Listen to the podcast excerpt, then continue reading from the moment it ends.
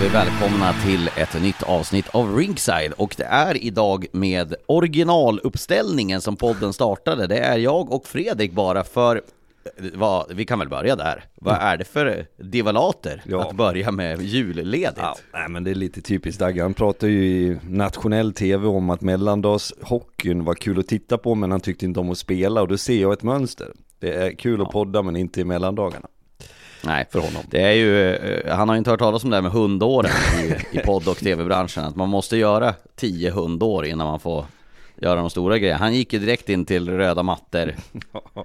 Så att, eh, ja, det, det är ju, nej men det är sånt vi tar, tar med i, ut, Vi har noterat det. Nej, det det ska är föräldrasamtalet som sker i januari. Nej då, vi ska faktiskt säga att han är på annat jobb här i dagarna, han befinner sig i Göteborg så att eh, Då tycker jag istället så här att de som eventuellt ser Daggen i Göteborg kan ju fejsa honom och ställa lite Ja. frågor så att han liksom ändå får jobba av mm, de här, den här skulden han har till oss. Ja, och gärna att han får höra då att eh, han, eh, han tar ledigt när alla andra jobbar och, och sådär. Nej men det, det är ju såklart, jag hade nog varit, det hade nog varit kul att vara där han är. Han är alltså på JVM, man ska se på lite JVM-hockey. Och det är väl Sverige-Kanada idag, så att det är ingen, det är ingen dålig eh, match han får se. Nej då. där, så att det, Han- det, Trivs nog med livet ändå. Du Fredrik, eh, jag tänkte att vi ska börja med, för jag var och kommenterade Luleå mot Färjestad igår och då, då hände det ju en sak som, som eh, nu ska vi förklara lite grann vad det är som gäller här, men det som hände var ju det att Karl Lindbom, som ju skadade knät i den där semifinalserien mot Björklöven, som jag också tror var det vänstra knät, eh, fick, han fastnade med skridskon igår och hoppade upp för att stoppa en puck uppe vid axeln och landade sen vad som såg ut att vara på knät. Vi ska inte spekulera i var skadan är, men det såg ju inte jättebra ut det där. Han fick eh, halta av isen. Och då är det ju så att eh, Brynäs har ju Damian Klara i laget som ägs av Färjestad BK. Eh, och då har ju Färjestad möjlighet att, att, att, att, kalla hem honom, tänker man. Eh, nu har jag förhört mig om det här med, eh, läst på Värmlands Folkblad och eh, Gävle Dagblad för att kolla vad Rickard Wallin och eh, Johan Alsen säger.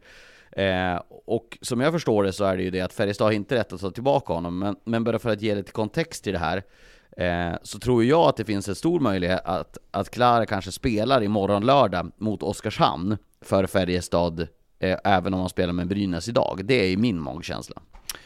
Inte omöjligt att det är så. Ehm, jag, jag, jag tror inte att oron ska ligga hos Brynäs i att man kommer bli av med Klara för resten av säsongen på något sätt. Eh, det är så många olika steg i det där. Det beror naturligtvis på skadans karaktär hos Lindbom. Ehm, så att jag, jag, jag tror inte att det behöver vara så allvarligt. Skulle det dock vara för någon match, precis som vi har sett lite andra spännande målvaktslösningar i SHL de senaste dagarna, så, så tror jag man överlever ändå. Ja, och eh, eh, inget, inget, inget ont mot Damian Klara. Han är ju en bra och superlovande målvakt, men, men Färjestad går ju stenhårt för SM-guldet här och skulle Carl Lindbom vara borta längre tid, då tror jag att Färjestad kommer att gå ut och jaga en ny första målvakt. Sen har ju Legacy faktiskt varit riktigt bra där, så att jag tror inte heller som dig att det är någon jättefara för Brynäs, men det var nog en rejäl oro som kom upp igår kväll för Brynäs-fansen så här, vad händer nu riktigt? Är det Lindbäck bara och, eh, som gäller? Så att det har säkert rört om lite grann i Gävle. Ja så är det, sen eh, tror jag vi som följde Hockeyallsvenskan tätt förra säsongen eh, kände någonting, eh, en olycklig känsla just för Limbom också som Verkligen. då inte fanns med längre än fram i semifinalserien. Var inte det en ganska dråplig situation? Jag försöker tänka här nu där det blir Kalle Odelius Ja, föll typ in Ja. i hans egna knä. Så blir det. Eh, och vi följde ju det på nära håll och såg hur Djurgården trots det då eh, liksom tar det fram till en sjunde avgörande match mot Modo. Eh, men för Lindboms egen skull så hoppas vi att det går bra och att inte det blir en massa förskjutningar där nu då i systemet. Nej, och för Lindboms karriär såklart också. Jag menar en till tuff eh, långvarig skada när han är så pass ung, det vore ju såklart eh, inte bra. Eh, I Brynäs annars så var det ju snacka om besked, hemmaplan mot Östersund i, i onsdags, 10-2. Ja, jag, jag tyckte det där var snyggt. Nu är jag införstådd med att det var toppen mot botten, att det var nästan till fullsmetat tror jag Gävle. Folk ville gå på hockey mellan dagarna. Så det fanns Sjukt ju... imponerande faktiskt. Ja, och det som jag tyckte då, och det grundar jag på siffrorna eftersom jag har sett delar av matchen men inte i sin helhet, inte där och då, att man håller uppe det. Det är så lätt och ofta vanligt att man biter ifrån en match och sen blir det en såsig del där man liksom tappar några mål och sen i slutändan så är det bara en skillnad på ett par, tre mål. Nu satte man ner foten, det är många som åker runt och gör poäng och som får leverera. Och det där tror jag det är bra att attrahera publiken att fortsätta komma tillbaks. Det är många spelare som känner sig eh, viktig och det är ett statement från Brynäs sida. Och jag såg också att eh, Kutske gjorde en, en dansk mot och Oskar Pettersson och fick fota två matcher. Så han är borta. Och, och sen är Jordi Bent i Spengler Cup som jag inte riktigt själv har förstått riktigt hur det gick ihop. Och dessutom Lindstein till JVM så de får ju liksom någon form av rullians där i Brynäs. Ja men, och det är väl lite så här att, att um, för Brynäs del som lag betraktat så tror jag, det, det är ju som att du har skador eller sjukdomar i gruppen så är det hanterbart. Sen är jag kan man ju alltid fundera över eh, hur man eh, känner sig som klubb i, gentemot supportrar och sponsorer när man jag tänker på Ben som ska ner på Spengler Cup. Eh, jag hade samma när jag var i Schweiz så, så var det faktiskt en av mina spelare där, en, Nordamerika, en kanadik då som fick tillhöra Kanada i brist på annat. Det var visserligen pandemi då så det var svårare att flytta folk från, eh, mellan länder. Men eh, det där är förmodligen något som är sagt när man gjorde dealen. Eh, så det är ju ingenting som jag tänker påverka Brynäs allt för negativt ändå. Nej, eh, så, så är det såklart. Brynäs eh, möter Västervik idag om jag inte är det helt galet. Eh, jag tyckte det var lite intressant, jag tänker att vi börjar med Östersund, för det hände ju saker i Östersund. Var, det var väl i tisdags, som jag inte minns helt fel, på annandagen, där det blev klart att eh, Roger Forsberg är entledigad från sitt arbete. Eh, där Källa går upp och är klubbchef igen och där Tero Lehtere, mm. som ju eh, klev in i Västerås förra säsongen och räddade Västerås får väl ändå på något sätt säga. Han gjorde ju i alla fall ett rätt bra avtryck där och vi fick en bra känsla och det, det vi fick eh, lära känna av Tero Lehtere kommer nu in i, i Östersund som har tio raka förluster så de, det måste ju hända någonting där. Ja, det var egentligen inte särskilt förvånande. Sen ska jag säga, jag läste en intervju med Roger Forsberg som Hockey News där Sjöberg tror jag det var, hade gjort. Eh, där han såklart är besviken. Vi ska komma ihåg att Roger vänder hem eh, och eh, har ju bara goda intentioner såklart. Jättebra människa är ju det och säkert eh, förtvivlat försökt vrida och vända på saker och ting. En sak som jag reagerade på som han sa i den intervjun var att han, han var lite besviken på sig själv, att han inte hade när de kände att det här håller inte, han menar på att man har förhållit sig till ett sätt att spela på i Östersund och ett sätt att, som är kopplat gentemot klubben, det här ska vi stå för, men att han inte hade vågat vrida lite tidigare på saker och ting för att korrigera. Eh, och den känslan kan jag tänka är lite olustig när man då får lämna uppdraget, att man blir lite frustrerad. Fan, jag, jag borde liksom kanske ha agerat. Eh, så att det är ju egentligen inget misslyckande som enbart jag lägger på Roger Forsberg på något sätt, utan det är ju klubben som har hamnat snett. Man har inte lyckats riktigt i sina rekryteringar. Vi pratade om det senast tror jag, om man tittar på importerna som Östersund har tagit, så har det ju inte fallit väl ut. Ehm, Verkligen inte.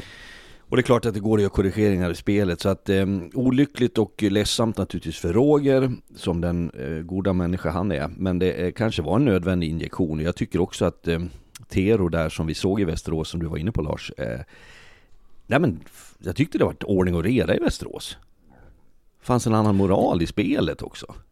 Ja, men han, han kom in och, och, och, ändrade ju på något sätt eh, styrningen på skutan, på, eh, får man ändå säga.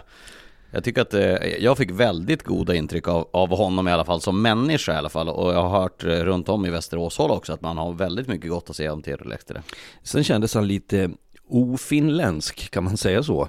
Eh, han, han, hade ju en, en ska inte jag på något sätt dra alla över en kam, men, men det fanns en, han hade ett, en, ett, ehm, en personlighet som inte lyste Finland tyckte jag. Eh, och det ska väl mm. också tilläggas då att han jobbar ju han är ju en kollega till oss, eller var i, i Finland, då när det hette Simor ja. Eh, så att han är kanske van så att säga medialt. Men jag, jag, tyckte att de spetsade till spelet Västerås, det vart en, en tydligare coachning, det vart ett, ett striktare spel. Och det är väl precis vad Östersund behöver, så att han har ju en ganska diger utmaning framför sig.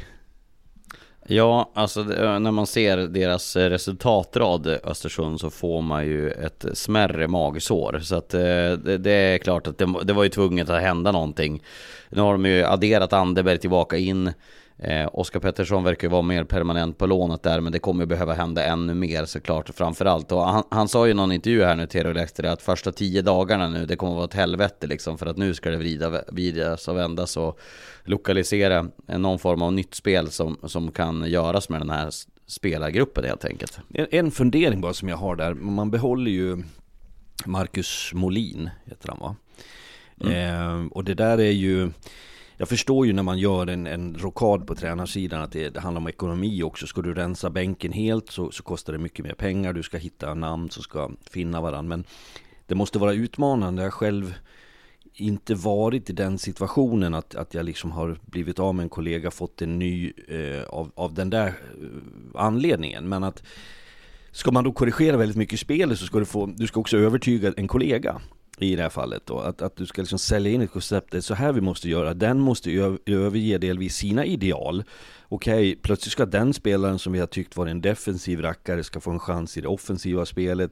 Plötsligt så ska vi sätta högre press än vad vi har gjort förut, eller spela aggressivare i egen zon. Så att det, jag förstår vad han menar med de här tio dagarnas helvete. Att det, det, det är förändringarnas tid eh, i Östersund, men det är nödvändigt och det är inte kört men det är plågsamt jobbigt om du tittar på hur tabellen ser ut. Att, att liksom försöka ta sikte på att man inte ska vara botten två. Mm.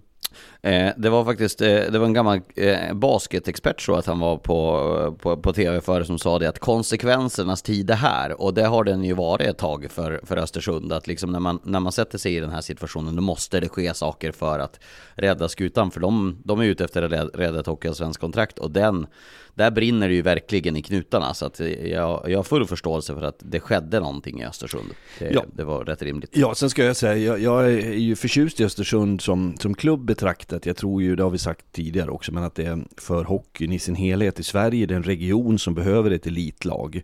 Ehm, det finns traditioner, det har producerats och spelare där genom åren. Ehm, och att man har ett material som är bättre än vad siffrorna säger tycker jag. Att det finns kvaliteter. Så att en, en ganska intressant utmaning som har landat i Teros eh, knä. Verkligen, och den ska vi, vi följa med stor, eh, stort intresse. Eh, men jag tänker att vi ska hoppa tillbaka till, eh, till det du gjorde i onsdags Fredrik. Du var ju på plats på Stockholmsderbyt, eh, AIK hemmalag mot Djurgården och eh, jag befann mig i tv-soffan, hoppade runt lite grann bland, bland matcherna. Eh, vi vill ju ha ögon på alla matcher, mm. så jag fick ta ansvaret att, att skippa lite av, av Stockholmsderbyt. Men, men vad, vad kände du eh, för tankar när du gick hem där och la dig på kudden och, och summerade lite grann? Eh, först och främst ett AIK som eh, övertygade stort på mig. Jag tycker att de har bevisat nu sin, eh, sin höga kapacitet. Den har vi ju sett kanske till och från under de senaste ett och ett halvt åren tycker jag. Att när AIK är bra är de riktigt bra. Det man har gjort och det tittar vi bakom tidigare före den här matchen, derbyt, så, så har man ju lyft lägsta nivån. Att man lyckas vinna matcher som står och väger. Man, man spelar lite striktare. Jag tycker man har på något sätt hittat en, en eh, jag är inte övertygad om att de bekräftar själva att de har skruvat på spelidén, men jag tycker det är små, små saker som får ganska stora konsekvenser. Men i den här matchen så, så tycker jag att de Eh, bekräftar det som är styrkan hos AIK. Två bra målvakter. Nu är det Bibå som står den här matchen och tycker jag står emot, gör viktiga räddningar i avgörande skeden när Djurgården väl skapar någonting. Man har en backsida som har blivit mycket bättre på att sätta fart på puck. Jag tycker att det går undan. Man ställer om, i synnerhet när Djurgården tappar folk och går bort sig. Och man har forwards som gör skillnad. Eh, Gynge är precis så där bra som en ledande spelare ska vara just nu. Eh, och gör ju målen i rätt lägen. Eh, så att jag, jag upplevde att även om siffrorna inte är så stora i, i skillnader mellan lagen så är det AIK som, som rättvist vinner den matchen. Eh, det är åtminstone min känsla där. Vi, vi har fått in ganska mycket frågor via Instagram om AIK. Eh, och vi börjar med, med Ante, Borg, eh, Ante Borgen tror jag han heter. Eh, är inte AIK att räkna med eh, i ett slutspel? Så fort AIK börjar spela fysiskt så vinner man. Ja, det håller jag med om. Jag, jag tycker det. Sen är, sen är det en konst att kunna eh, göra det över tid. Eh, enstaka matcher eller en, en matchserie i ett slutspel så kan du absolut göra det. Eh, men jag tänker kanske att det, det, det Ja, de är ju med i racet. Det finns ju absolut inget ja, annat att säga. Definitivt. Sex raka segrar. Ja. Eh, jag skulle bara säga, för, förhålla oss kort till siffrorna som var i den eh, eh matchen också, så så är det eh, en ganska jämn, om man bara tittar på de underliggande som vi, vi har tillgång till ibland. Det, det är ju inte så att det är, det är liksom en klasskillnad. Men det kändes som eh, att, jag tycker i alla fall att AIK var lite vassare i skärpta lägen och i en tredje period, jag ställde frågan inför tredje, kommer man att, att stå emot? Blir man passiv? Blir man försiktig? Men det var kanske det som övertygade mest hur man eh, gav minimalt med möjligheter för Djurgården i tredje perioden. Det blev liksom aldrig riktigt nära den forceringen. Så att jag tror att de var väldigt tillfreds med den prestationen. Vi ska prata mer om matchen, jag slänger in lite frågor där eh, med tanke på ämnet. Det här är ingen fråga så jag tar bara med det som, som får Oskar Backlund eh, känna sig hörd. Oskar Backlund säger så här, får, får säga att AIK kan bli farligare än Björklöven. AIK är jämnare. Är det någonting du vill kommentera? Ska jag ta den riktiga frågan? Ja men just nu är de det absolut. Oskar har rätt mm. där. Ja. Eh, Felix Zettersten säger då, är Oskar Öhman tillräckligt bra för att spela med Sion Nybeck och eh, Brandon Truk? Eller behöver AIK värva lite grann för att, eh, för att fylla på inför slutspelet om man ska gå för det? Ja men då säger jag så här, Öhman klarar ju av att vara där, men skulle AIK, ska AIK liksom ett kliv till, en, ytterligare en nivå, så är det klart att skulle du kunna uppgradera Öhman där till ett, en, en bättre spelare, så skulle du tror jag få ut lite mer av de andra två också, så det är ju även det en, en intressant reflektion. Ja, vi var smarta och hockeykunniga lyssnare får vi, får vi ge dem.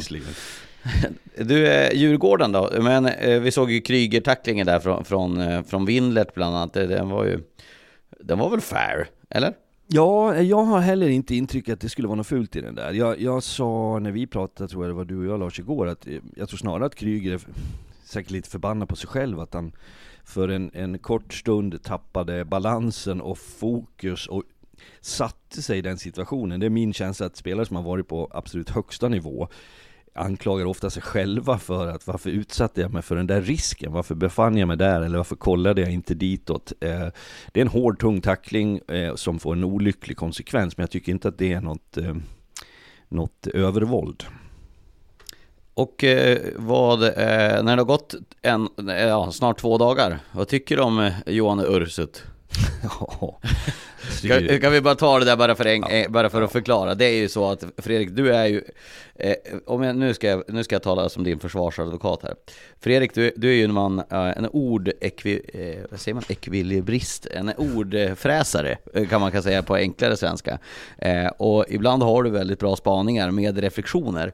Och vi som känner dig vet ju att du har dem där och du är inte en ond människa, du kallar ju honom, du var ju mer att eh, alla som har, jag tycker du formulerar väldigt bra när Aftonbladet, jävla tramsartikel om jag får säga Ja det är usel journalistik Ja, och så så här, många har blivit upprörda, hur många var upprörda över det? Alla som kan tänka ett varv fattar ju vad du menar Men, eh, men förklara, förklara då för ja. de som inte förstod Nej. vad du menar och, och, det ska också sägas att det där var, jag tror faktiskt att det var ett powerbreak som vi tittade på situationen och så har vi då i örat, får vi ja, 30 sekunder, här kommer bilderna, eh, vad känner du kring situationen? Och då, jag tror, utan jag har inte sett det där igen, men att jag säger något att eh, får Ursut och grabbarna att framstå som charmiga eller någonting, det, det är ju eh, man ska vara riktigt korkad om man drar slutsatsen att jag jämför Albin Greve med en, en, en mördare. Eh, sen förstår jag varför media ibland gör saker av det, man jagar klick, men det skapar ju också en en, det här handlar ju om att alltså, ha förtroende för vad media säger och skriver. Det, det påverkar ju människors bild av det, så tro fan att samhället går till att vi tvivlar på vad viss journalistik säger. Men skitsamma, jag kan inte bry mig mindre om det.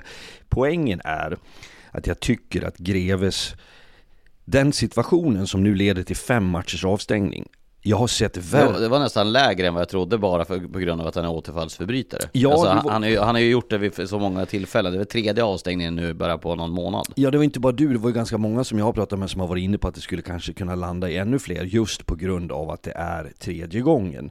Men situationen i sig är ju inte oerhört allvarlig.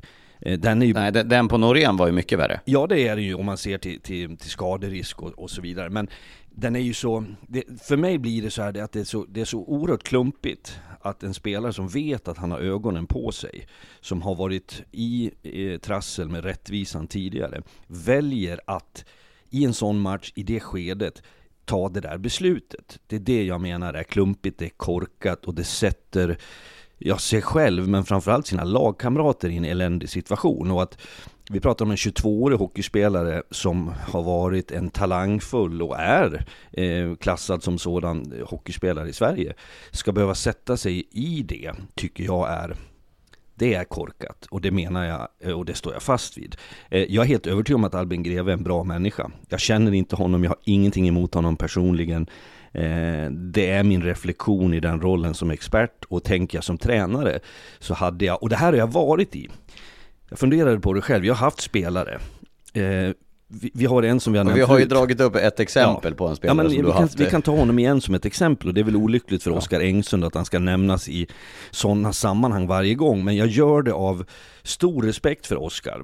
För att det finns någon form av ungdomligt oförstånd hos alla människor som är runt 20-årsåldern. Tänk tillbaka själv Lars. Och en väldigt bra människa som du säger.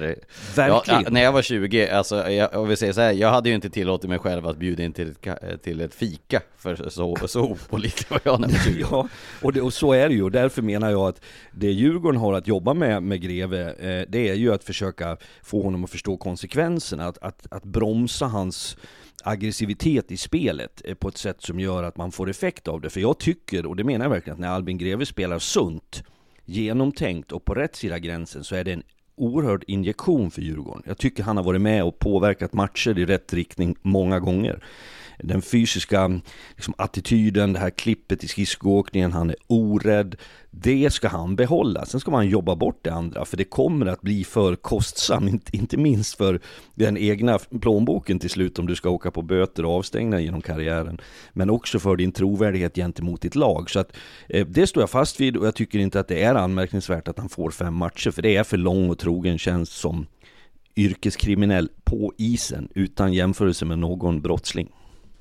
Ja, eh, bara för att eh, understryka det här med, med den fysiska hockeyns fortsatta rejäla injektion, även om, om det är mycket avstängningar och det är fokus liksom tog den där i huvudet till höger och vänster. Men jag fick se igår på, på första rad när en, en tackling satte mer energi i en hockeyarena än hela matchen. Ja, har du sett tacklingen Johanne Tyrväinen satte igår på, på Jack Berglund? Nej, jag har inte sett den.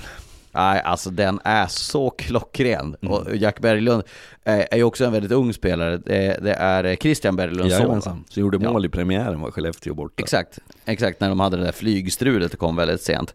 Men eh, det är alltså så att eh, Jack Berglund får pucken till höger just framför båsen. Och just framför Luleå-båset så möter Johanni Tyrväinen upp honom och sätter liksom höften och hela kroppen rätt, rätt i magen. Mm. Och den är så klockren och jag skojar inte, det är det högsta jublet jag har hört i en hockeyarena i år när den sattes. Och man ser, vi har också en kamera på spelarna som sitter just bakom. Som blir så här... Alltså ja. då, skriker det exakt som att domaren just har, har visat ut någon för att inte knyt, knyter snörena i princip. Ja, det, var, det var en helt fantastisk upplevelse. Ja men och då kan jag säga, bekräfta som tränare under många år, den känslan i båset när det där sker. Del, om, om det är din spelare som delar ut en fair, tung tackling. Den energin ditt bås lyfts av.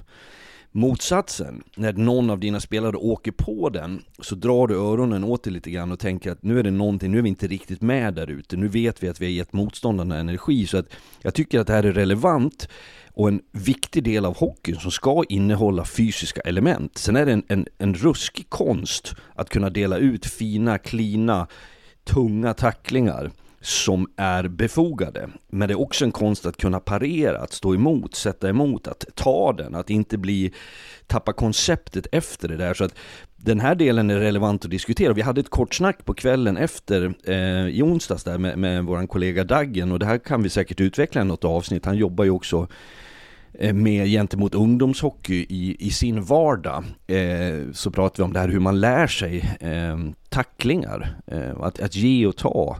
Att det ska börja tidigt när, när eh, tunna små kroppar där du inte får skadekonsekvenser av det. Så att det här är, det är ett avsnitt bara det, men jag förstår precis vad du menar utan att ha sett smällen. Jag får liksom den, de bilderna i mig vad det faktiskt ger med förlaget.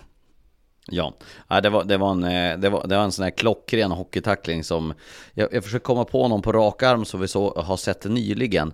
Jag vet att eh, jag tror att det var David Rundblad som satte en sån där i hemmamatchen mot Frölunda eh, för Modo jag minns inte mot vilka, nej, det, nej, nej, nej, nej, det var ju för guds skull mot Rickard Hugg i Skellefteå. Det var mellan Modo och Skellefteå, en, en lördagsmatch fullsatt i, i Fjällräven, Hägglunds arena numera.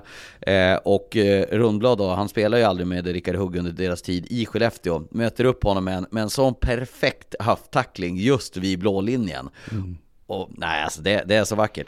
Jag skulle faktiskt vilja ha med nästan både Daggen, Almen, Sanny.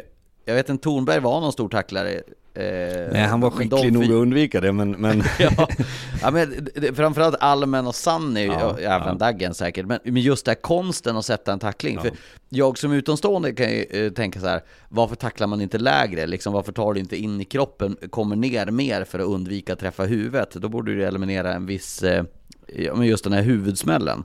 Men det finns det säkert bättre svar på det, de som spelar hockey mer än vad jag har gjort. Ja, och det är mer, mer än vad jag också som mestadels har stått i båset. Men det, det jag bara vill tillägga, men det är intressant, det är ju att det är ju också en sån hårfin skillnad många gånger mellan den perfekta tacklingen och det som kan ta illa. Så att eh, jag tror att vi ska hitta ett förstånd i det och jag upplever ju ändå att vi har jobbat bort i svensk hockey en del av de här huvudtacklingarna som var förödande under några år. Det, det händer tyvärr ibland av, av olyckligheter så att säga, men vi har blivit bättre på det, men det finns fortfarande en stor utmaning i det såklart. Det är ta Jakob Norén i, eh, i träningsmatchen mot USA här. JVM-laget som åker på en ordentlig smäll som gör att inte han kommer spela JVM. Ja, nej det, det, får ju, det får ju enorma konsekvenser. Eh, därav så handlar väl, eh, nu, jag ska, det här kan jag ingenting om så jag ska vara försiktig. Men det känns som att vi måste eh, ta, ta ett rejält eh, grepp om ett, hur vi förbereder oss för att ta emot tacklingar. Att vi är eh, medvetna om att tacklingar faktiskt fortfarande finns kvar i svensk hockey, att man ska vara beredd på dem. Och sen att de som sätter dem eh, kanske måste träna ännu mer på det. För det är ju en skicklighet som du säger. Många tacklar ju väldigt frekvent utan att gå över gränsen och klara sig ja. från avstängningar. Så att då, uppenbarligen är det någonting du kan vara bra på. Ja, och jag ska bara säga eh. för då, innan vi går vidare att matchen AIK-Djurgården innehöll faktiskt en handfull framförallt första halvan, jättefina tunga tacklingar från båda lagen som får en inverkan på matchen som tänder publiken och som ger energi. Så att det, det förekommer ju absolut. Sen är det ju vissa som sticker ut mer. Det finns tre saker som gör eh, att en arena tar liv. Det är tacklingar, mål och dåliga domslut.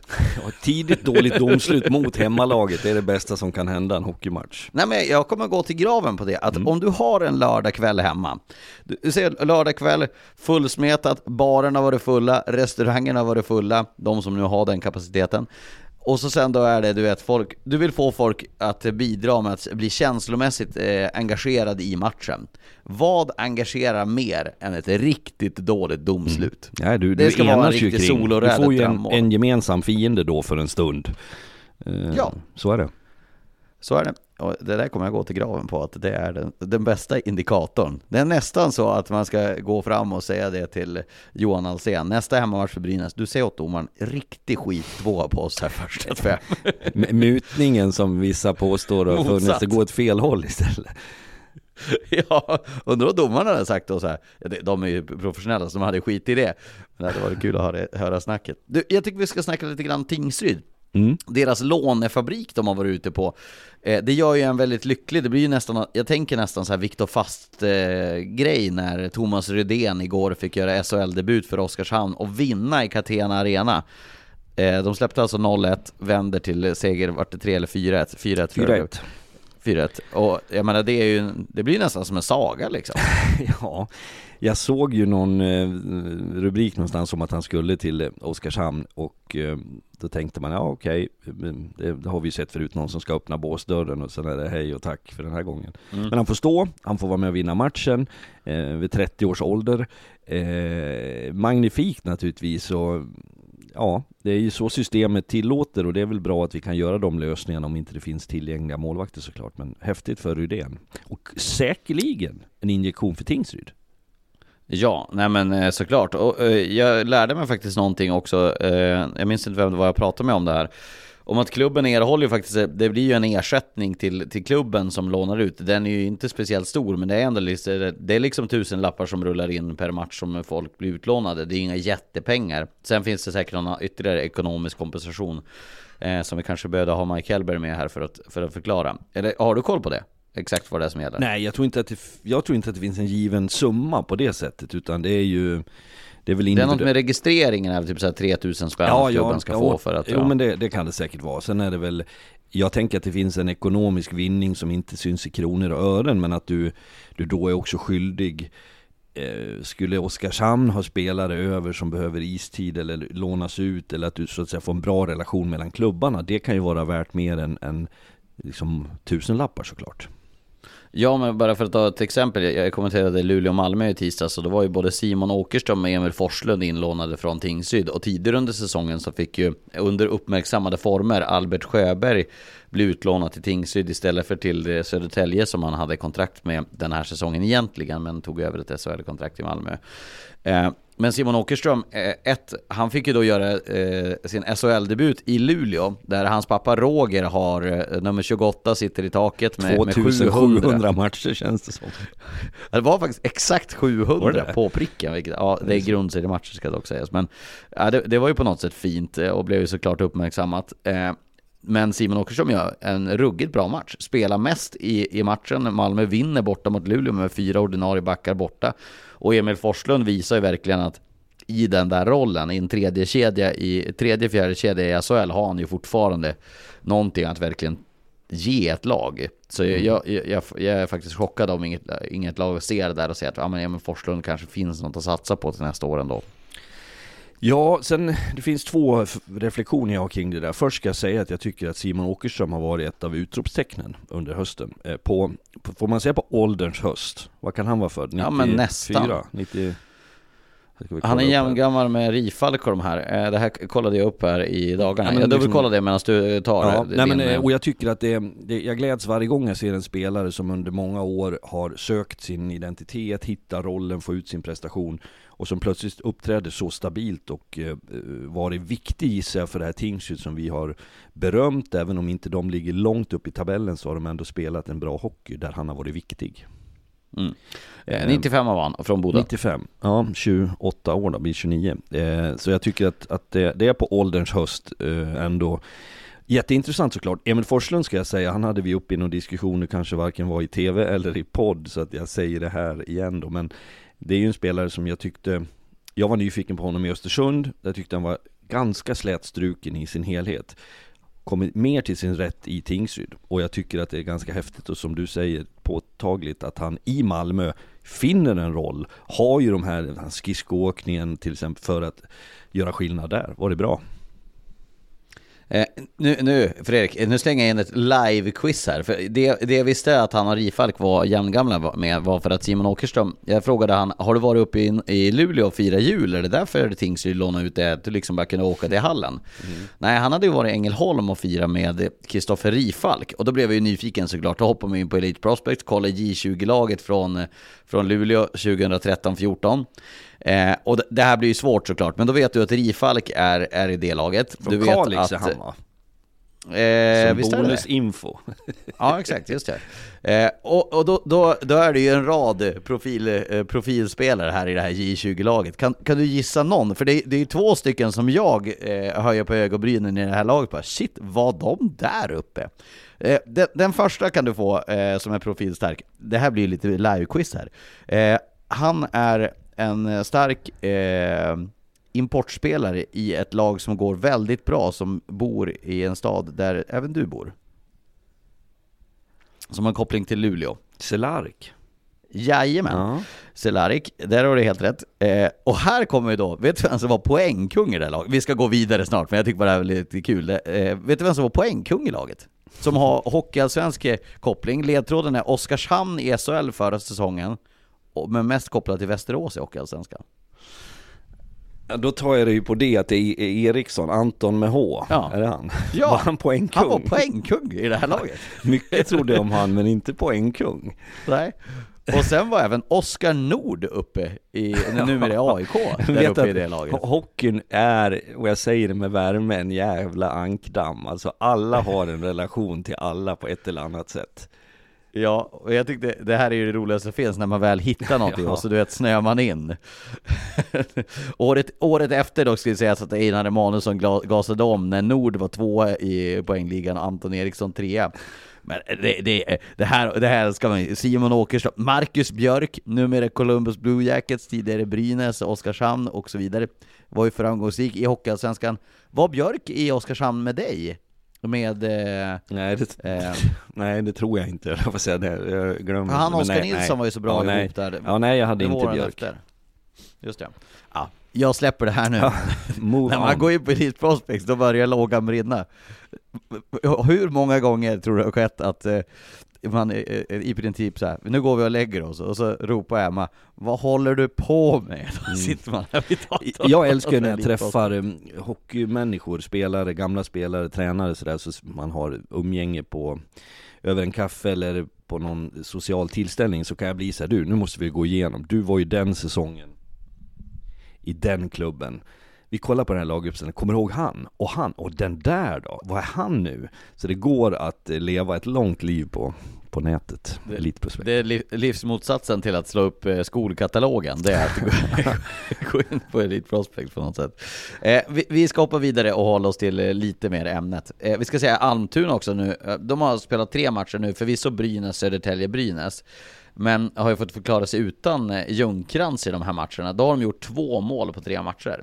Ja. Eh, Ljungkrantz som vi stoppar där kort har ju varit riktigt, riktigt bra. Inte bara att han har gjort eh, målen. Jag tycker att han, han spelar med en jäkla pondus och förmodligen eh, högvilt eh, för klubbar högre upp. Och eh, Färjestad har ju sannolikt kopplat greppet där. mm. Eh, vi, vi får nöja oss där. Eh, jag vet inte riktigt exakt jag sa att jag vad- skulle säga två saker så jag säger den andra Ja. också, jag fick tänka till nu. Men Almtuna är ju inte lika pålitliga längre tycker jag. Fortfarande spelar de en bra hockey, jag tycker de gör mycket som är bra utifrån sina förutsättningar. Men de har påbörjat en vinststreak, sen har man åkt på några smällar. Det är, det är lite för mycket upp och ner för att jag ska känna att de hotar. Jag tyckte förra året hade man mer känsla att de hotade toppen på ett annat sätt. Bra övergång till nästa lag, för jag satt även och såg lite grann på, jag, jag, jag sappade zappade lite grann mellan Södertälje, Karlskoga och Västerås matcher mot Kalmar och Mora mot Björklöven i onsdags. Och Mora slår alltså Björklöven på hemmaplan. Men det jag skulle säga är att Mora har ju, de har ju börjat vara lite så här upp och ner. Vi såg dem mot Västerås, ingen topprestation där. Vi, vi, eller, ja, den är inte dålig liksom. Vi såg dem mot eh, Södertälje. Var väl inget, alltså det kändes lite mjäkigt nästan. Ja, jag är benägen att hålla med. Jag tyckte att de har blivit lite små. Jag tror till och med att Daniel Hermansson sa det till oss i studion efter matchen i Södertälje, att, att han upplevde det så. Eh, lite de tendenserna kanske också mot Västerås. Eh, Björklöven-matchen är ju... Ja, det är alltid lite vanskligt att, att eh, värdera fullt ut prestationen på första matchen efter jul. Och då tänker någon att men så länge har de inte varit ledig men rent mentalt har du hunnit stängt ner och du startar om, det blir ett halvdant tränande där i de dagarna. Så att vänta någon match till innan jag drar egentligen totala slutsatser på lagen. Men eh, Björklöven återigen, eh, tyckte man såg på det de gör, och det de målen de, de, de, eh, och situationerna man skapar är bra. Men man knyter inte ihop det riktigt än. Eh, då är det dags att ta en fråga från Ante76 med tanke på ämnet du eh, säger. Eh, 11 senaste matcherna har Björklöven tagit 13 av 33 möjliga poäng. Eh, och eh, det är ju så att det, det är den mest konsekvent ställda frågan som, som eh, vi har fått i den här podden. Det är, är det dags att skeppa Stråle? Och det är Ante76, det är Niklas Nilsson, det är Erik Viktorsson, Marcus Eriksson, jag antar att inte den Södertälje, Marcus Eriksson. han har lagt ja, in. det tror inte att det är han. Ja, det, men det, det, är, det är liksom många. Och, och, ju- både jag och du är ju sådana som säger att ja, men ska, ska du sparka en tränare, då ska det liksom vara att du har nått vägs ände. Det, det upplever kanske inte jag att Björklöven har gjort. Nej. Men det är ju faktiskt en fråga som kommer upp rätt ofta nu och jag, jag, jag brukar ofta, både jag och du brukar, i alla fall du brukar vara rätt sansad men jag, nej, jag är fan inte sansad, det var ju faktiskt Kom inte att kalla dig själv sansad Lindberg. Nej men vad tänker du i frågan? För det, det är en fråga som är värd att eh, diskutera i alla fall. Ja, alltså vad, vad, vad du tänker. Jag, jag förstår ju att, att folk resonerar och tänker så här och att det är eh, känslomässigt styrt och man upplever att det nu har vi kört fast och så tänker man att gräset är grönare.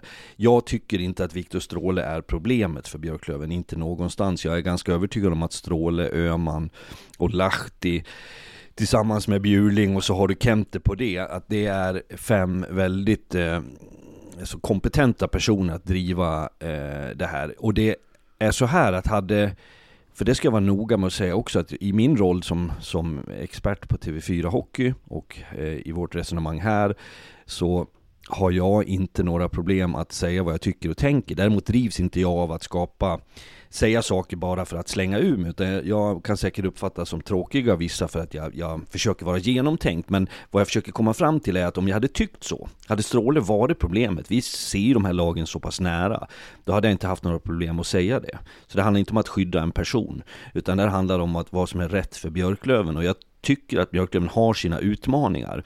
Men jag tror inte att det är så enkelt att Stråle ut och någon annan in skulle inte vända på steken. Det är min klara poäng.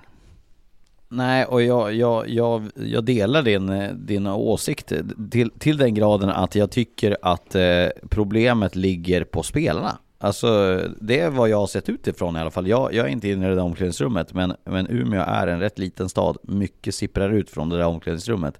Eh, och och det, det jag eh, noterar är ju det att de spelarna som var bra i år, eh, i fjol eller tidigare år en del av dem är inte lika bra nu.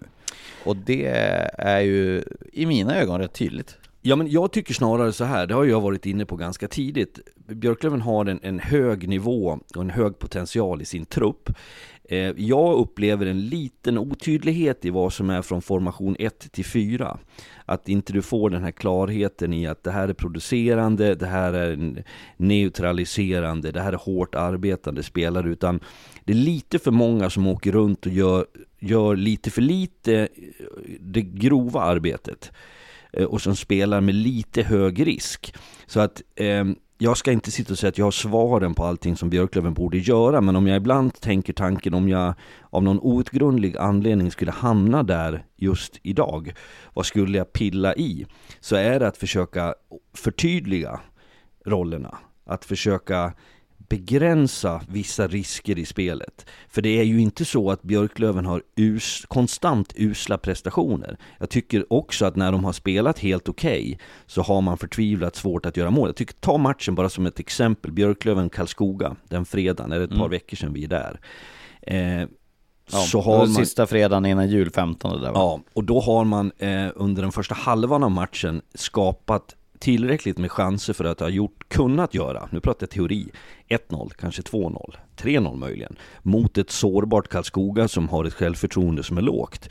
Istället i den matchen så kommer det där mentala fenomenet att, att eh, Helgen Smed är brutalt bra, står emot, Eh, Karlskoga växer, frustrationen ökar i Björklöven för att det finns en kravbild som är utmanande, alldeles oavsett vad man säger eller inte. Och istället så går den matchen sakta, glider över i händerna på Karlskoga och det blir en förlust för Björklöven. Så att för mig är det inte så illa som det kan se ut, men jag förstår att har man avsikten och tron att Björklöven ska vara given etta, då förstår jag den här frustrationen. Men svaret är nej, jag tycker inte att Björklöven ska sparka Viktor Stråle. Jag tror inte att det sitter någon på parkeringen som löser det här bättre för stunden. Nej. Eh, men, men eh, jag tror att du är inne på det där och jag, det finns ju ingenting i svensk hockey som jag är mer allergisk mot. Men du vet ju, det, nu kommer vi till min uh, begränsad, begränsning på sans och rim och ranson. nu, nu att, att, att, det, det, det, värsta som en tränare kan säga till mig i en intervju eller ett samtal är att vi, ska ha fyra, vi ska ha fyra producerande kedjor. Då vill jag bara säga What? alltså, ja. vad, vadå fyra producerande kedjor? Jag fattar ju att du vill att det ska kunna vara hot, men vad fasen? Para ihop de bra och skickliga spelarna med de bra och skickliga spelarna. Ja, ibland är inte världen mer komplicerad än så. Sen ska jag lägga till en grej också, att mycket av det som eh, ursäkta, mycket av det som supportrar och allmänheten i stort läser in kommer ju ur intervjuer eh, i, i, hos tidningarna och eh, hos oss i TV. Eh, och där finns ju också varierad skicklighet. Nu pratar jag svensk hockey, SHL, eh, Hockeyallsvenskan i stort, 28 lag. Hur kommunicerar man? Hur, hur tröstar man eh, bedrövade supportrar? Hur skapar man trovärdighet? Hur framstår man som eh, en tränare som jag tror på och inte? Och där säga generellt, det handlar inte om Björklöven nu, utan eh, jag tror att det är viktigt att man förstår vilka budskap man sänder för att, att behålla liksom en, en tydlig sammanhållning och en tro eh, på, som supporter på. Även om du förlorar matcher så vill du ju känna att jag litar på den där karln. Han som står i tv och pratar om, han erkänner kanske fel och brister, det är klokt att göra ibland. Jag ska inte låta som någon mediastrateg, men jag går till egna erfarenheter att ibland får man lägga sig platt. Man får mm. ta på sig visst ansvar som tränare. Man kan inte stå där varje gång och säga att jag har inte förberett dem, jag har inte sagt vad de ska göra, för då ska man inte ha jobbet. Men ibland får jag faktiskt ta den smällen, för det kan vara jag. Ibland får man vara ärlig och säga att våra stjärnor levererar inte.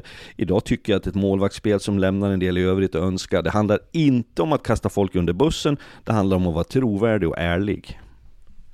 Jag tycker att eh, Mattias Karlin är väldigt härlig på det sättet. Han är ju inte den som, som eh, det tänds ingenting i ögonen när han ska göra intervjuer, om vi säger så. Men, men han är väldigt vältalig, för han, han är ju skittydlig. Så här. Ja, ja, men, var, varför var han inte bra idag? Nej, våra ledande spelare är för dåliga. Vet du att vi pratade eh, innan matchen på Avicii här i onsdags så var det Stefan Klemets var kommentator och då när vi satt och hade haft möte och käkade lite där så kom vi in på det där på något sätt och då, då säger Stefan Klemet som en, en lugn, sympatisk person eh, Vi pratade om vilka som är duktiga på att förmedla just ärlighet eh, Karlin säger ju många till mig ah, han verkar liksom lite bufflig, han är lite trulig. Eh, men jag tror inte att, eller jag vet att Mattias Karlin inte tycker om att vara i media.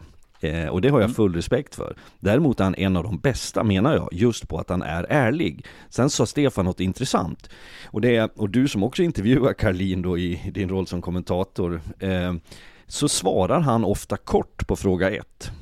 Men om ja. du ställer en följdfråga så utvecklar han det och det är så gott som alltid 100% ärligt och uppriktigt. Och det är ju en, mm. en ruskigt bra egenskap. Så att man ska inte blanda ihop det med de som är genomtänkta, som har som är utstuderade, som kliver in i en studio eller till en mikrofon och har bestämt sig på vad de ska säga. För då, då menar jag att inte det är ärligt och uppriktigt, utan då är det planerat. Ja, eh, det blir någon form av manipulation då det handlar om på något sätt. Lite grann. Eh, eh, tyckte det var ett intressant ämne. Eh, vi måste bara säga en sak. Eh, en grej som jag eh, nästan vill ska säga är klart. Ska vi dela ut, ska vi dela ut eh, ett nytt Hockeyallsvenskt kontrakt till, till Nybro Vikings? Du tänker så du? Ja men 20 poäng, de, de vann den här matchen nu i onsdags. det är 8 poäng mellan Nybro som är 8 och nian Kalmar. Eh, 20 poäng ner till Västervik. Att Västervik ska ta in 20 poäng på Nybro på 20, 23 eh, matcher ish. Det säger jag är omöjligt. Jag säger grattis Nybro Vikings till nytt Hockeyallsvenskt kontrakt. Du, du har ju lärt dig vid det här laget hur jag fungerar Lars, att jag sällan går i den fällan. Men jag är med på ditt resonemang och jag eh, kan inte annat än fortsatt säga att det Nybro gör är väldigt, väldigt bra. Det vi i början sa kanske, att för då var man och liksom, man spöade Brynäs hemma gjorde man väl va? Eh, man hade några sådana ja. iögonfallande resultat. Den där fredagskvällen när hela Nybro sålde slut i baren. ja, och, men det känns som att det har, har liksom, nu kan man förlora mot, mot topplag och ändå göra det okej, okay. men det man framförallt har gjort är att man har hittat sätt att slå lagen som man ska slå. Och det är ju nyckeln för Nybro, att, att vara liksom solida och, och behålla sin allsvenska plats. Så att jag tycker att sett över tid det de gör är jättebra och jag tycker att de har filat på sina svagheter som jag vet Tommy Samuelsson bekräftade till oss ganska tidigt där att han kände att vi får inte vara så spretiga på bortaplan, vi får inte gå bort och, och spela på, på chans och nej, de gör det jäkligt bra. Jag tänkte faktiskt eh, försöka hinna springa ner till, till Nybros värvning här. Jag vet att det, det är oh, tidskrävande du gå på värmning Lindberg? Nej, oh, nu har jag, då, då är jag i det. Sol. Men, men eh, det var ju så här att när Tommy Samuelsson var, var tränare för Skellefteå så kommenterade jag ofta Skellefteå-matcherna och då Varenda gång jag kommer dit så hade jag en kär kollega från Mariestad, numera boende på Hammarö, eh, Harald Lyckner, som eh, ju berättade allt dumt jag hade gjort till Tommy. Så när han kom så, så hade han flin från öra till öra, och så var direkt med en kniv rätt in i ryggen. Serverad av Harald Kan du gott ha. Ja, jag pratade med Harald igår i 40 minuter. Det var väldigt bra med Harald ska jag säga till er, er som undrar. Han, han eh, stod och vallade skidor och det känns, det känns tryggt att Harald Han skickade sms till mig Harald innan derbyt drog igång i onsdags och skrev Jaha, ja nu behöver jag ju inte bry mig om den här säsongen och mer när du har stått i tv och berättat hur det ska sluta Så här lite barskt men kärleksfullt som bara Harald kan göra Men han, han lät också meddela att det till, tillät honom att ta en extra golfresa, så han var också Ja, glad över det lät det som. Men, men Nybro, eh, eh, jag vill ändå hävda att jag har lite rim och ranson, 20 poäng. Jag, jag vidhåller, Västervik nej, men tar det- inte in 20 poäng. Nej men onekligen gör det jättebra. Eh, fortsätter ju göra mål, spela underhållande hockey. Jag blir glad när jag ser, som vi har berättat förut, när vi gör highlights under matcher, vi står och ser på en skärm och så kommer det bilder från Nybro, så ser man den där kompakta gamla Victoriahallen som den hette en gång i tiden. Det är eh, tjo det är energi, spelarna går på knock på något sätt. Så att eh, jag tycker att de har varit en, en oerhört frisk fläkt i den här ligan. Ja. Kal- Kalmar har det ju lite tuffare nu, nu är det faktiskt fyra raka förluster för Kalmar. Eh, så de, eh, de har ju faktiskt hamnat lite grann, eh, ja, jag ska inte säga skiten, de är ju fortfarande nia liksom. Men, men eh, de förlorar, de förlorar Brynäs, Södertälje, Djurgården, Västerås. Så jag menar, visst det är kanske inga matcher som de ska vinna. Eh, Det är väl Västerås de möjligtvis skulle kunna slå, slå i så fall då. Ja men det har ju blivit någon slags, om man tittar på tabellen, att det är, nu har Kalmar en match mindre spelad där. Eh, Men, men att eh, det, det är Kalmar, Almtuna, Tingsryd som ligger tajta, Karlskoga är strax där bakom. Så det är fyra lag där, det har blivit någon slags klyfta. Ja. Ja men vi får ju dra strecket att, det- att det är i alla fall åtta lag som tillhör Det, det är ju faktiskt, jag menar från, från tvåan Södertälje som har 53 poäng ner till eh, åttan Nybro så är det bara åtta poäng som skiljer Sen är det åtta poäng som skiljer ner till nian Så det, där hävdar jag att vi kan dra ett litet streck vi hade ju Att det ett, har blivit eh, Ja men vi hade ju ett kort resonemang i studion i onsdags, eh, för jag vill minnas eh, att vi pratade om att det skulle bli inför säsongen en, en tydlig topp 8 eh, som skulle vara med i det racet. Det som felar där, om jag uttrycker mig så, grundat på vad jag tror många spekulerade kring, det är ju att Karlskoga inte är där och att Nybro Mm. är där som tabellen ser ut just i detta nu. Övriga lag har ju på något sätt ändå etablerat sig på den topp 8. Och vad brukar jag säga? Det är oftast som ungefär tipsen brukar vara Ett lag överraskar positivt, ett lag överraskar negativt. Det är nä- inte alltid så, men det är ibland så.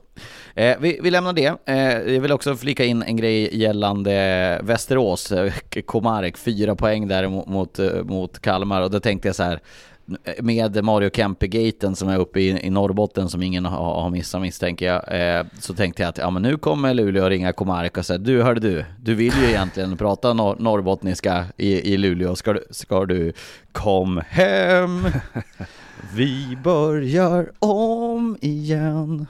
Men eh, det är väl en annan lösning. Visst var det ändå okej? Ja, det ska jag ge det. Ditt Men vad- Buggben och eh, karaoke-looken där. Västerås har ju värvat. Marcus Odén, ny från Jukurit. Låt mig korrigera dig. Det är inte ofta jag Mm. kan göra det. Han heter Marcus Oden, fick vi till oss Han heter Oden. Ja, som guden. Kajsa då? våran kollega, eh, hade kontaktat, eh, vad kan pressansvarig heta i Västerås? Alldeles oavsett vad han heter, så hade den svarat att det är utan accent. Eh, Marcus Oden. Ja, men nu får ju Västerås sluta ge mig ordvitsar för det är ju, det är ju för mycket, det är för enkelt med, med topping och Oden och allt vad det är. De säger, Eh, kommer ja, ja. säga så här Flod då, vilka också. ska in nu på, slutet och plocka målvakt? Eh, Komarek och den. Och alla bara, vem pekar du på? Ja men Oden. Hängde du med där? Han var usel, jag, jag hittar ut själv. Ja, jag tycker att han hade någonting. Ja. Annars är min favorit är ju Boys i Timrå, när man säger Kom igen nu Boys! Han blir skitglad varje gång, tror att det är han man liksom pushar. har aldrig reflekterat över det, jag har kommenterat Timrå i 12 års tid, det är jag- när man- underbetyg faktiskt. När man mötte Timrå, och så Kom igen nu Boys! så ropade han liksom i sitt bås, tyckte alltid han Sitter där sträckte på på, bås- sig på isen med tek va? Ja, fan tack! Till och med Oskarshamns tränare tror på mig. Se, ser du det, ja, du vet, slå i bänken, så när han ställer sig upp då, alltså, fan. Redo. ja, eh, vi, har fått, vi har fått reaktioner på vårt trams minst sagt förra veckan och, och ja, ja, Det kallas äkta glädje.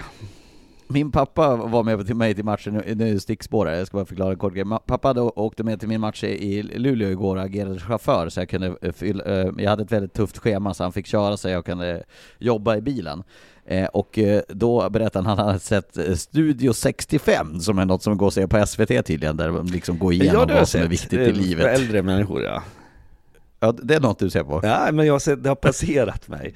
ja. Eh, men eh, då, då hade de pratat om det, viktigt att skratta ja, när man är, blir pensionär. Sen att du och, jag och, låter som att vi har dragit i oss ett paket julbländ precis innan vi drar igång på rosslet, det, det ja. underlättar ju inte att sluta skratta då, för då skrattar man åt hur folk skrattar. Ja, och, har du sett det här? Fra... Du, här, jag ska klippa in, nu, det här blir på tramskontot. Jag ska klippa in ett klipp nu från fransk ja, jag TV. Jag vet vad du menar. Ja, I briljant. Och det här, för att förklara det här klippet, det är alltså, det är alltså de har alltså samlat, typ de, de är de roligaste skratten i hela Frankrike och satt dem i en TV-studio. Och, och då lät det så här.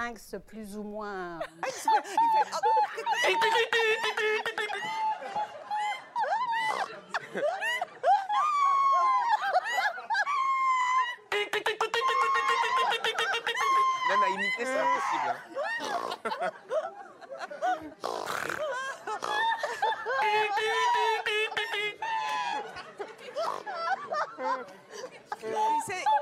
Il, vous a déjà.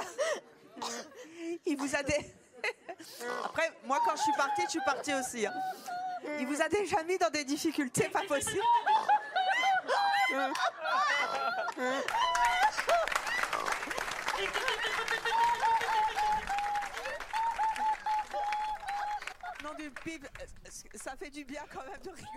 Ska klippa in det där. Eh, för, det, det, det, är nog typ det roligaste klippet, alltså det, ja. det, är helt omöjligt att inte börja skratta Nej. när man hör det klippet.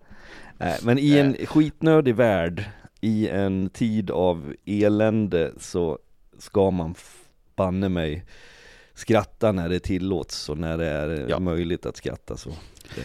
Fredrik, vi står enade på barrikaden att om folk gnäller på att vi skrattar lite grann i podden, kom då. Ja, då, då kan ni man... slå av podden och ruttna i era uh, Får man lyssna lurar. på något sånt P1 om utvecklingen i Mellanöstern eller något då får, man faktiskt, då får man faktiskt lyssna på en annan podd, för ibland behöver vi skratta. Det var också två år sedan vi fick det senaste skrattanfallet, så jag tycker om med två års mellanrum, även om vi adderar lite skratt här, det kommer och, inte bli Och bara låt mig säga då att jag tänkte på det skrattet i onsdags när jag möter eh, Fitzgerald i katakomberna under Avicii Arena, för det var ju han vi skrattade då eftersom han har, han har de är trillingar, visst är det ja. så? Och eh, var ja. med i någon barnfilm en gång i tiden. Så har vi ja. kopplat ihop det där och den, den baksidestoryn var ju det att vi, vi, spelade in en podd som vi började spela in 22.00. Vi var trötta, vi var också väldigt besvikna för det var pandemin. Vi fick inte köpa ett glas vin som vi skulle ta efter podden.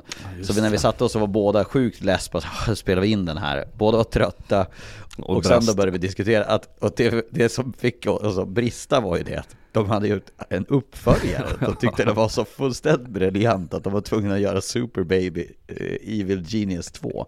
Eh, vi ska avsluta podden med, med hockey igen eh, och vi gör det med att besvara lite hockeyfrågor då som vi har fått in.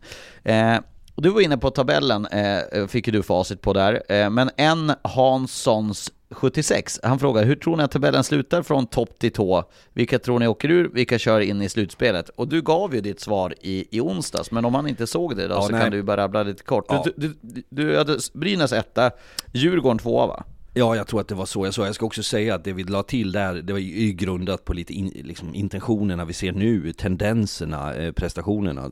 Och den matchen går AIK ut och äter upp Djurgården. Så där hade jag inte någon eh, koppling som var rimlig. Men jag, jag, tror att Brynäs kommer att hålla undan. Sen kommer det vara så oerhört viktigt för lagen tätt där bakom. Jag tänker på Södertälje, på AIK, på Björklöven, på Djurgården, eh, Mora för all del. Eh, hur man liksom eh, var man placerar sig för det som sen blir i slutspelet. Men, men vi har pratat nyss om det, jag tror att det kommer vara ganska givet de lagen som är topp 8 och därmed kommer att racea om viktiga positioner. Jag tror tyvärr att Östersund och Västervik får det väldigt tufft att ta sig bort mm. från de här platserna. Vad som blir intressant att se är, kan Karlskoga äta sig uppåt? är det rimligt att tro att man ska kunna jaga topp 8 och ta sig in där? Jag tycker ändå att Karlskoga gör det bättre än vad tabellen säger. Tingsryd har också tendenser, Almtuna lika så. Eh, ska Kalmar och Nybro som ligger intill varandra i tabellen och som ligger intill, intill varandra geografiskt göra upp om en åttonde plats? Kan Västerås få fart? Det här går att fastna i, men jag tycker så här ja. som ett svar. Som tabellen ser ut nu, det är inte orimligt att det kommer att landa någonstans där i slutändan. Ja, men det är, det är många som frågar sig vilket lag tror ni kommer gå upp? Det är en Hansson, Eh, e. Nilsson och, och så vidare. Och, och, det är ju svaret då. Men du tror, är din magkänsla nu? För det är ju liksom li, riktigt slutet det här på 2023. Är din magkänsla just nu att Brynäs går upp? Ja men det är det och jag, jag, jag skulle säkert kunna motivera på några andra topplag varför de skulle kunna slå Brynäs. Och någon tycker säkert att jag gör det enkelt för mig att säga Brynäs, men låt mig kort bara förklara varför. Jag tycker att de har bredden. Jag vet att bredden är en betydande faktor när det kommer till ett slutspel. Jag tror att man kommer att agera på målvaktssidan. Jag förutsätter att det finns resurser och att det kommer att plockas in någon spelare till. Om det skulle vara enkel resa för Brynäs, det tror jag inte för ett ögonblick. Jag tror tvärtom, och det vill jag också få sagt, att kvartsfinalserierna den här kommande nu våren kommer att bli mycket mer eh, dramatiska och eh, inte gå som man på pappret tror. Det är någon känsla jag har. Mm. Eh, kul. Jag, eh, vi avslutar med två. Den ena frågan, eh, det, det, här går in på tramskontot, men, men jag behöver det, det är nyårsafton snart. Eh, Frågan kommer från en som heter Diverse Trams och, och de som känner igen våran podd, det är ju han som har gjort vårat intro. Just det. Så, att, så att det är cred, Ångermanlänning, kan det vara det? Kan du bekräfta? Är det, är det trakterna där? Jag tror han bor i Lycksele. Jag träffade ja. honom faktiskt i Umeå på, på ett så här, du vet, det är ett, en blomsteraffär som även är ett café på sommaren. Det är lite lurigt. Men väldigt trevlig prick och väldigt tacksam att han skickar in frågor och att han bistod med, med intro såklart. Och, och har ni sådana där grejer som ni skickar till oss, för det finns ju kreativa människor. Har ni liksom, här har ni en jingel, kolla på den. Vi, vi lyssnar på allt, så skicka in det till till larslindberg10gmail.com eller tagga in oss på Rinkside eller skriv direktmeddelande så eh, kreativa lyssnare, Hockey i Sverige, vi, vi vill ha er lyssnare med oss. Eh, även om vi är dåliga på det ibland. Men frågan här då. Riktar, du har en till Daggen och en om mig, så du får liksom tänka till lite grann här.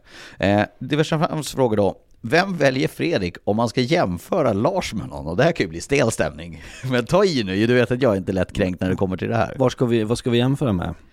Han sa bara jämför Lars om du ska jämföra honom med någon. Oj! Säg det Rolf Lassgård och Skalle. ja, det var det om ett, eh, hur tålig du var.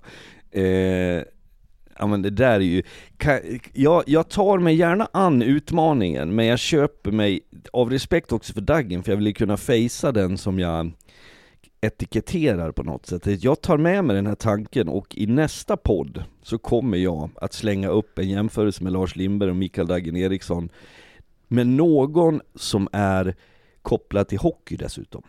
Jag, jag, ja, jag spetsar och, till utmaningen ett steg till. Och, och där har du då, eh, Fredrik tar ju såklart emot tips via DM på, på ja, Twitter också. Ja, hör av er om ni har likheter, det kan ju vara så. Jag är en människa, ska jag säga, som är eh, jag satt med en kopp kaffe på stan, i, jag är kvar i Stockholm, eh, igår och då, att sitta och titta på folk så, så har jag en nästan sjuklig tendens att se likheter i folk. Att åh, där kommer Marcus Kryger och går, fast det inte är Marcus Kryger men det är en människa som är lik honom. Eller åh, där kommer Charlotte Perrelli, fast det inte är det. Vi pratar ju väldigt ofta om det här off, eh, off cam, ja. Eh, gör vi. Eh, sista fråga då. Ja. Erik Lövstedt eh, har skrivit så här. Hur många kartor med långburk tror du Daggen har köpt till nyårsafton? Åh herregud, där tror jag att det är många. Jag tror att han, han kommer ju från laglöst område. Eh, Verkligen. Det är ju där, och, därför, och min poäng är, det är inte laglöst att dricka långburk, men jag tror inte att det kommer från Systembolaget i de trakterna. Ja, du tänker att det är folk som har kört lastbil? Jag tror att sådana kulturresor till Tyskland pågår frekvent eh, från det området. När jag bodde i, bodde i Olofström för många herrans år sedan, var tränare där i två år, då gick jag... Var det nära till Puttgarten eller ja, vad det heter, man kör det är det. Och då var jag på Systembolaget en, en dag, hade bott där någon vecka, så köpte jag några öl. Och då sken han upp och sa, vad glad jag blir att det är någon skrattar till som köper öl här. Eh, vilket man kanske inte får säga enligt regelverket, för de ska ju inte sälja alkohol fast de har en sån butik. Men, och då sa jag, så vad, vad menar du med det? Men just att alla där nere köper ju då, eh, eller många åtminstone, från Danmark eller Tyskland, men jag var undantaget. Ja. Men välavlönad hockeytränare, då har man råd att köpa på Två, Systembolaget. två kronor till på en San Miguel. Eh, nu får vi eh, dra ihop den här säcken. Vad kul, kul samtal tyckte jag. Ja. Jag, jag tyckte det var mysigt. Bra resonemang. Eh, Då hårt. säger jag så här, innan du stänger igen, att vår tanke är ju att vi nästa vecka ska göra en, en summering av 2023 tillsammans med Daggen. Eh, Ja. Och det ser jag fram emot, att kunna få fundera och plocka ut lite speciella händelser och eh, saker som har påverkat oss och som har format hockeyn också. Jag ska göra något liknande ikväll i en paus, lite kort, men det är, eh, vi lägger ut texten så mycket mer här i podden så det siktar vi väl på, eller hur Lars? Ja, verkligen. Eh, och vi ska säga att det, eh, det är Södertälje mot Djurgården i Globen ikväll 18.30.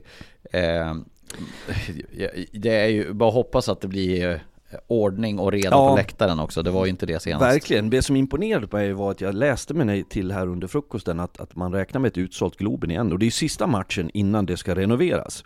Och innan matchen i onsdags när vi satt och hade vårt möte så kommer Marcus Leifby in eh, som eh, skriver för Aftonbladet. Eh, och han var väldigt intresserad att få knycka någon stol. Han har tydligen det intresset, alltså från läktaren. Eh, han har hallar som rivs och som byggs om så, så vill han gärna komma över saker och ting. Så att han, han flörtade med Daggen om att få någonting från Nobelhallen när det ska göras lite nytt och sen ville han komma åt det igen. Och för, Alltså cementblock då eller? Från Nobelhallen? ja, och för övrigt såg jag också att Leifby, han hade ju, eh, vi pratade om Ursut Gate där förut, han jämförde med Clark Olofsson och han jobbar på samma tidning som den här journalisten som var upprörd över Ursut. Så jag tänker att Clark, vi ska inte jämföra kriminella med varandra, jag tycker vi lämnar det kort och gott. Ja, eh, men då förutsätter jag att när du stänger studion, när, när Kajsa säger då tack för ikväll Fredrik, då trycker du bara på den här röda knappen. ja. Och så går det du, du, du, Ännu bättre hade det varit om jag hade slitit loss en stol och stått med den och sagt att den här ska jag ta med mig hem på tåget nu. Nej, jag, jag röstar för demolition-knappen. att, att alla är utrymda och så, så ni är på säkert avstånd Boom. så bara...